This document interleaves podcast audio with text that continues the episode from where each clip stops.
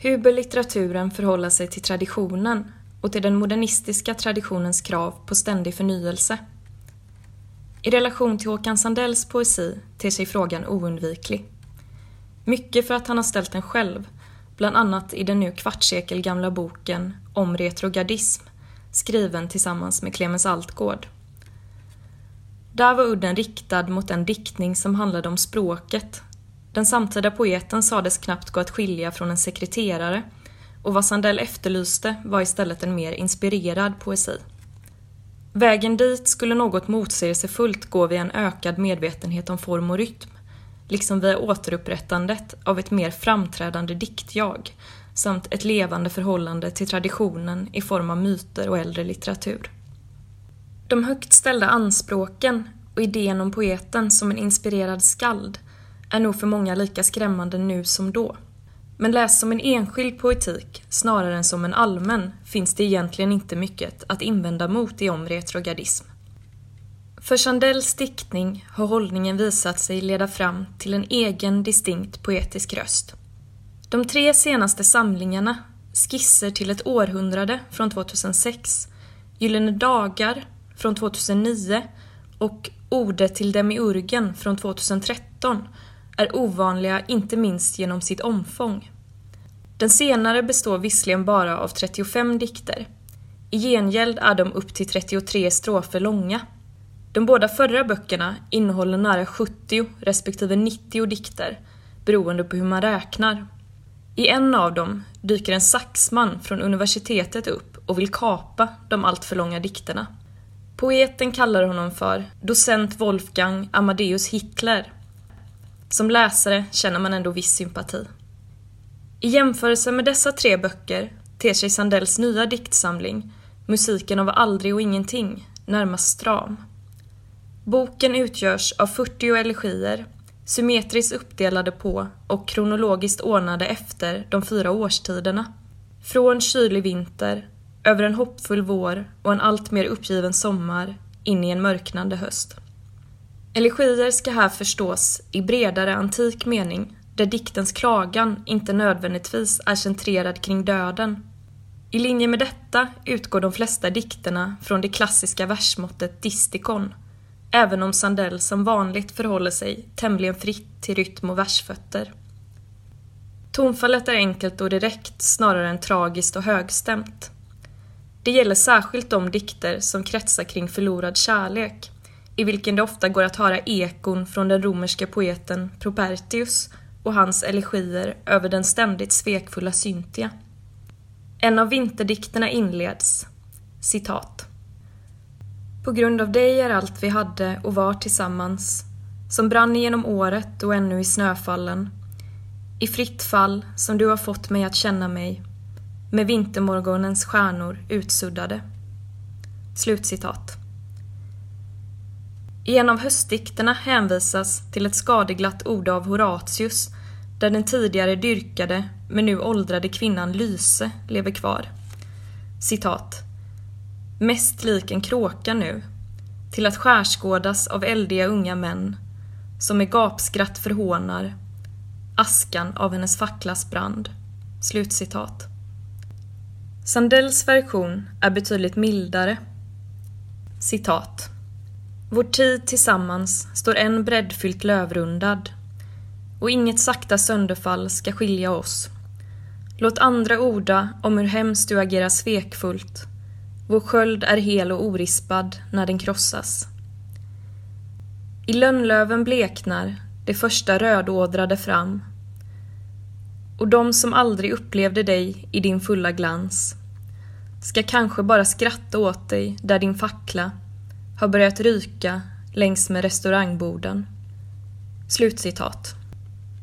För en romantiker som Coleridge var elegin den genre i vilken det subjektiva kunde komma till tydligast uttryck. Enligt honom handlade elegin aldrig om sitt ämne utan istället om den stämning som för tillfället behärskade det jag som i dikten begrundade ämnet. Som synes ovan gäller detta i hög grad för dikterna i Musiken av aldrig och ingenting. Årstidsväxlingen blir en fond mot vilket jaget avtecknar sig. Samtidigt är jagets blick allt som oftast riktad utåt mot gatorna i det Oslo som Sandell har besjungit i ett par decennier nu. Det skapar en verkningsfull tvetydighet genom samlingen. Hör undergångsstämningen hemma hos jaget eller hos världen? Stagnelius konstaterar i en av sina elegier att citat Ond och besvärlig är tiden i vilken jag lever. Slutcitat. Det gäller även här. I dikterna framträder ett abstrakt välmående Norge och Norden som har trätt in i en citat Fukuyamas nyliberala medeltid, slutcitat, där idén om jämlikhet avfärdas med orden citat Kamrat, nej, men möjlig njurdonator, slutcitat.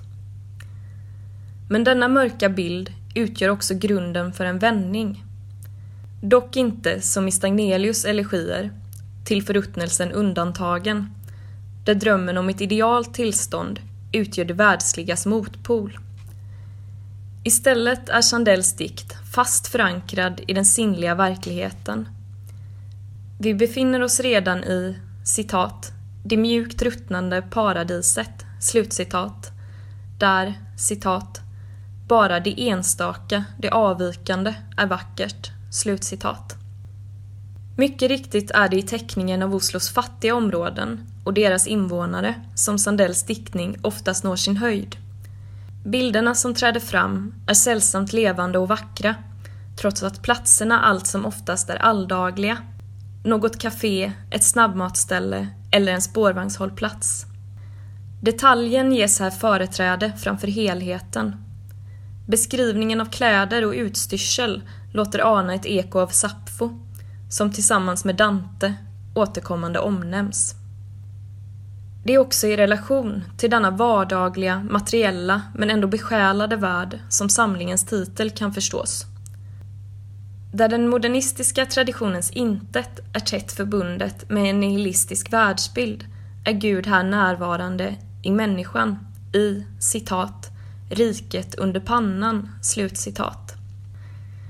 Musiken av Aldrig och ingenting kan således läsas som en hyllning till det förgängliga där, citat, alltihop sjunger om sitt upphörande, sin frånvaro, slutcitat.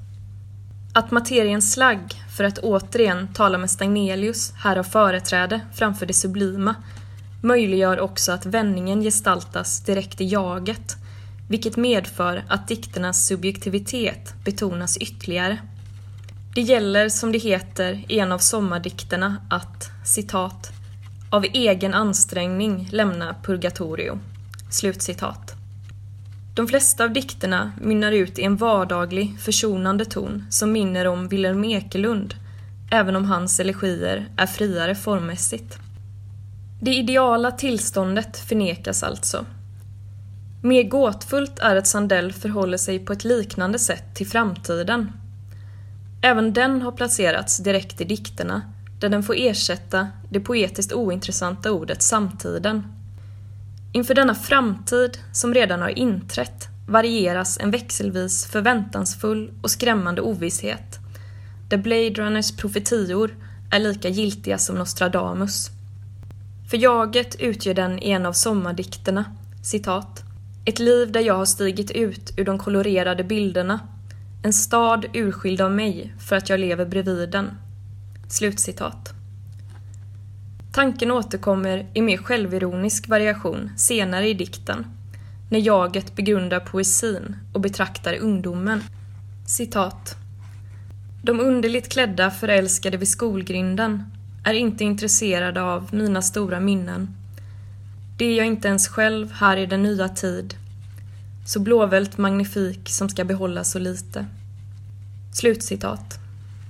Det är en ovanligt generös diktarhållning, men den är också kongenial med dikternas nyttjande av den bundna versen och många hänsyftningar till kulturhistorien, om vilken det i en av höstdikterna står att, citat, Kulturen drar sig undan, trött och tillfredsställd, men lever kvar inom oss som gyllene fragment." Slutcitat.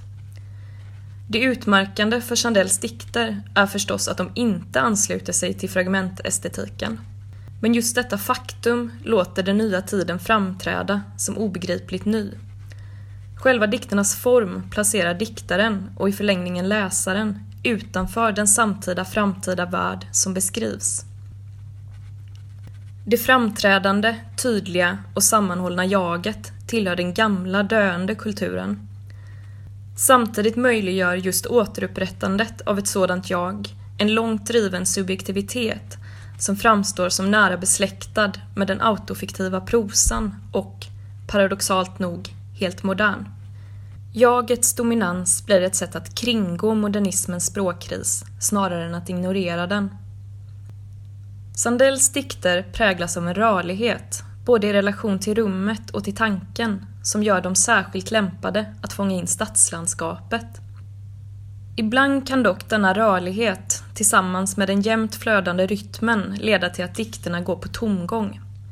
Det gäller framförallt höstdikterna, där jagets egen skymningsstämning alltför sömlöst flyter samman med det borttynande landskapet och året. Några av dessa dikter hade gärna fått klippas ner eller klippas bort. Nu är det jag som agerar saxman. Det är dock en marginell anmärkning.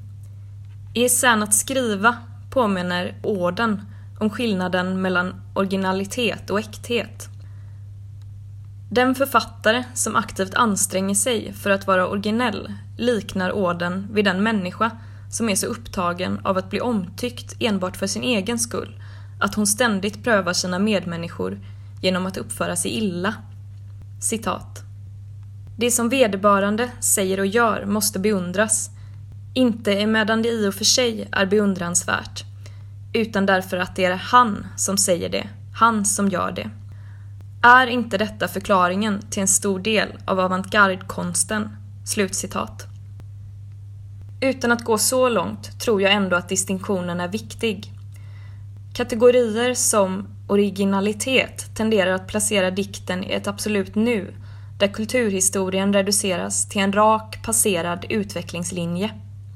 Äkthet handlar däremot om något mer svårfångat och personligt. Just därför brukar också det äkta uttrycket, förstått inte som något omedelbart och naivt, utan tvärtom som något djupgående och genomarbetat, bli originellt. Om än på ett mer lågmält vis. En sådan äkthet står att finna i majoriteten av dikterna i musiken av Aldrig och ingenting. Men vad ska man då ha denna poesi till, undrar någon. Exempelvis till att hitta fram till något sant bortom de språk och tankar som dominerar för dagen. I en av elegierna ges ett annat, mer välformulerat svar. Citat. Vad dikten erbjuder är mest ett perspektiv. Ett djup i bilden, den framvällande musik. Av körens brus som utgör bakgrundstonen. I samhällskroppen, vindkast, intonation. Den hemliga skrift som skissas över tingen. En välplacerad horisontlinje mot blank himmel. Slutcitat. Den som någon gång upplevt vad ett sådant perspektiv kan innebära vet också att det är mer än nog.